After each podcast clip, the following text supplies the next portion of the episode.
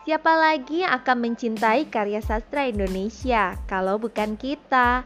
Dalam podcast ini saya akan membacakan beberapa karya sastra dari penulis Indonesia yang pastinya setelah kalian mendengarkan kalian akan merasa asin loh.